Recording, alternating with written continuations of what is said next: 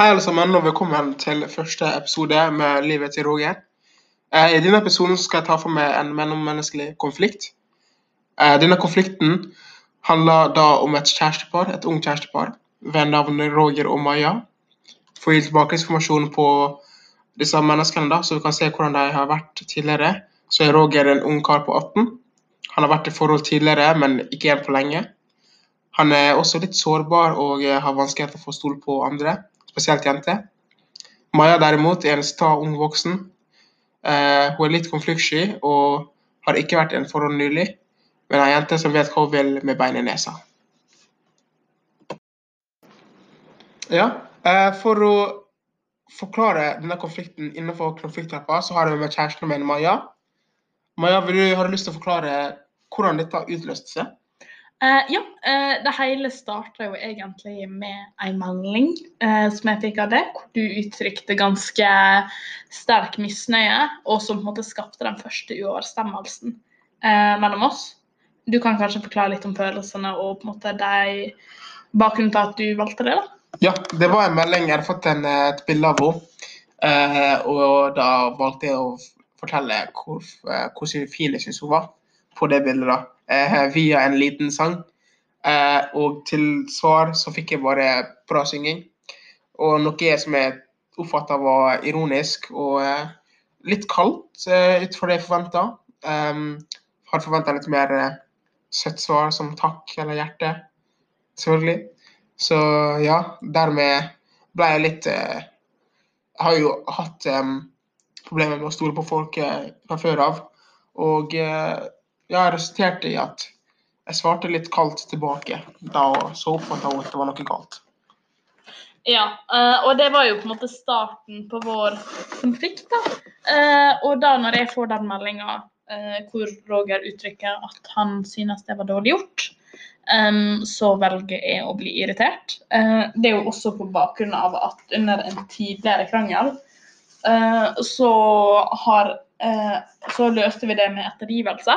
Uh, hvor jeg da bare bestemte meg for å ikke uh, gidde å utvikle konflikter våre lenger.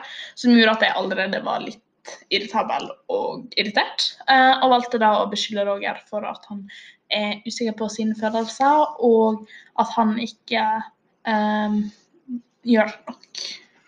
Ja, ettergivelse er da en måte å løse konflikt på som blir ofte satt i gang for å eh, bevare harmoni. Men den er veldig effektiv. Jeg har brukt den sjøl selv selvfølgelig ganske ofte. Men den er ikke særlig effektiv hvis man, eh, hvis man, hvis lar, man lar det ligge og ulme. Eh, da blir som oftest følelsene bare sterkere, og til slutt så blåser det opp igjen i en annen situasjon. Noe som skjedde her. Deretter, i krangelen, så går vi fra trapp 1 til trapp 2, som altså fra uoverstemmelse til personifisering. Uh, denne personifiseringa skjer uh, veldig Kan du forklare, Maja? Ja, uh, jeg velger jo da å prøve å um, Hva man skal si Slukne flammen litt, da, og ikke gjøre at konflikten utvikler seg lenger, og fikse ting. Så da sender jeg en melding som lyder som følgende. Uh, beklager at du tok det sånn, det var ikke slik meint. Uh, hvor Roger responderte uh, ikke så positivt. Du kan kanskje forklare det? Ja, jeg valgte da å respondere med at tydeligvis så er det bare en av oss som lytter i forholdet. Og at kanskje du skulle ha fulgt med meg på hva jeg sa. Og gjorde det litt mer personlig, da. Um, dette er da trinn to, personifisering. Eh, på dette trinnet så forvrenger man og eh, generaliserer som oftest eh, det partneren eller det personen sier. Um, og man gjør det bevisst. Uh, og dette, dette, er da en dårlig egenskap hos meg sjøl som jeg vet uh, jeg har, og som jeg har vært gjennom før. Uh, spesielt da jeg var yngre, men bevisst aktivt prøve å gjøre noe med. Dette var da trinn to. Eh, her går vi videre til trinn tre på eh, konflikttrappa. Det er da at problemet vokser. Eh, du kan vel forklare litt eh, hvordan dette skjedde i den situasjonen, Maja? Ja, eh, det som skjer da, eh, etter at Roger velger å eh, aktivt eh, misforstå det jeg mener, så blir jeg veldig irritert. Uh, som også fører til at jeg tar opp tidligere konflikter, Um, som da du ikke svarte meg på Snapchat. Uh, som man egentlig da er ferdig med, uh, men som man Fordi man kanskje liksom måte ikke har løst den konflikten tidligere på en skikkelig måte, da um, fortsatt henger seg opp i, og som bare utvikler den konflikten vi har nå, videre. Ja, um, Trinn tre på konflikttrappa kjennetegnes ved at man eh, tar opp gamle, avsluttede konflikter og eh, som minner om den man har nå. Eh, og så trekker man ofte inn eh, feil og eh, andre ikke så bra ting med hverandre, da.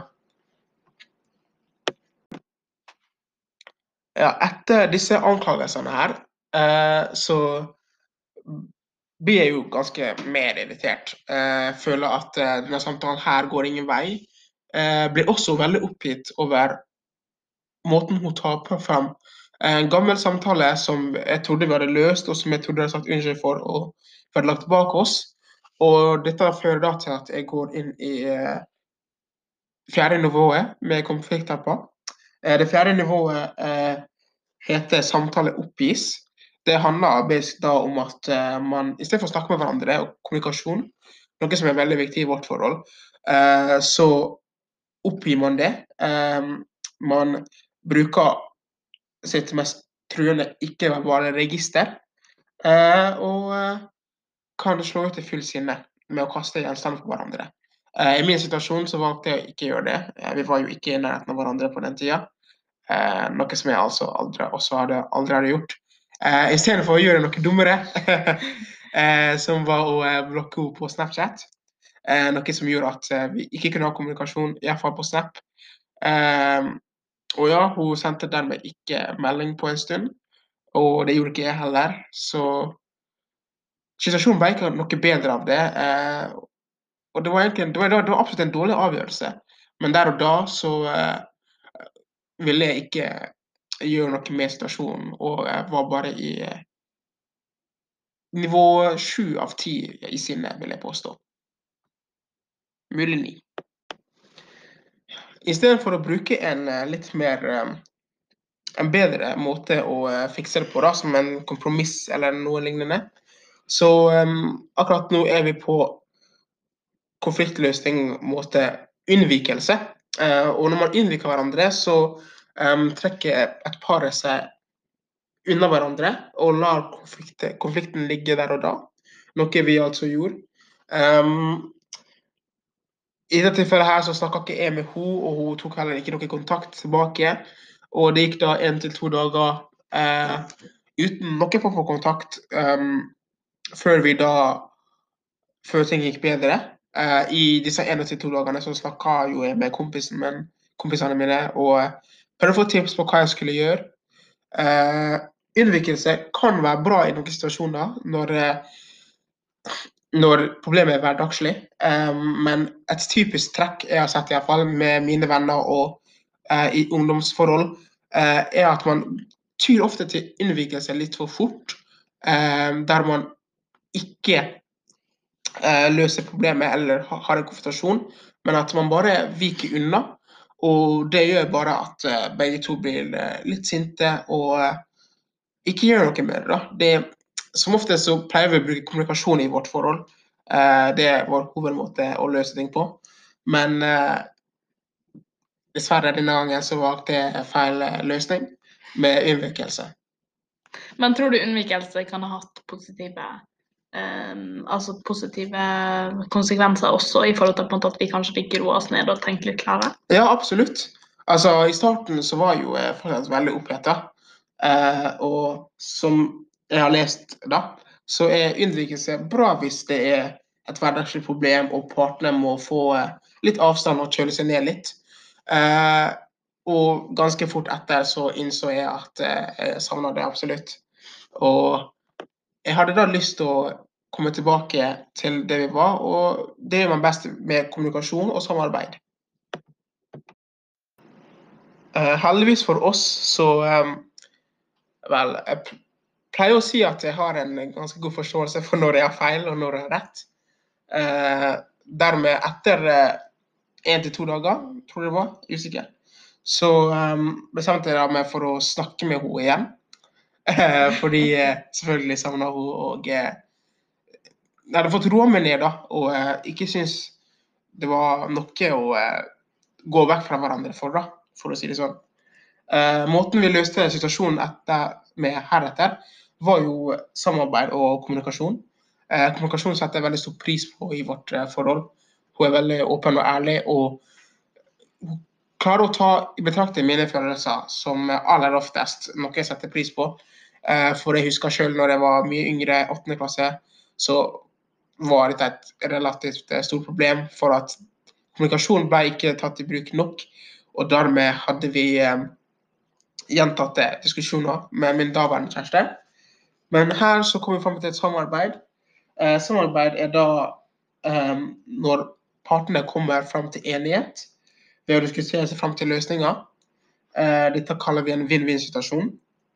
Um, vi begge måtte selvfølgelig ta for oss hverandre sine følelser inn i dette samarbeidet. Eh, det er jo essensen ved det. Og eh, måtte prøve å forstå hverandre, da, og hvorfor vi ble opprørte. Og eh, ikke hadde det så bra i det hele tatt. Sånn at for å Til neste gang så klarer vi å eh, unngå dette problemet. Men Roger, har du noen tanke om liksom, at sånn, finnes det et slags fellesbegrep for den typen konflikt vi hadde? noe sånt? Det gjør det faktisk. Eh, som leser i psykologiboka mi, eh, så er dette en divergerende konflikt. Eh, en divergerende konflikt handler da om to eller flere som eh, har ulike meninger og oppfatninger av en situasjon. Eh, det har vi jo her. Eh, I denne situasjonen så tenker jo hun at svaret hennes med bra synging var helt greit, mens jeg var uenig i det. Forventa noe mer, og dermed ble jeg såra over det.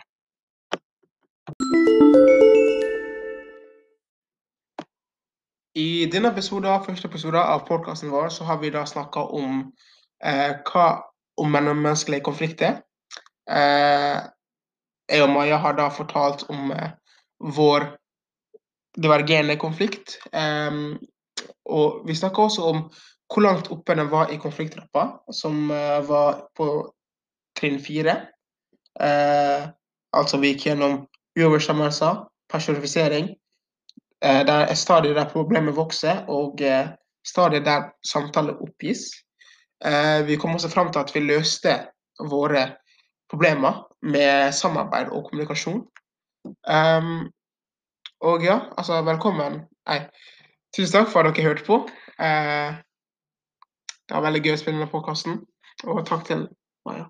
Ja, eh, og så tenker jeg at det er litt viktig å bare sånn kommentere det siste, eh, i og med at dette er skoleoppgave, at denne situasjonen og konflikter er eh, altså en fiksjonell, eller i alle fall en konflikt som vi har bygd videre på. Eh, så det er ikke virkelige hendelser. Det vil jeg gjerne ha med på papiret. Helt.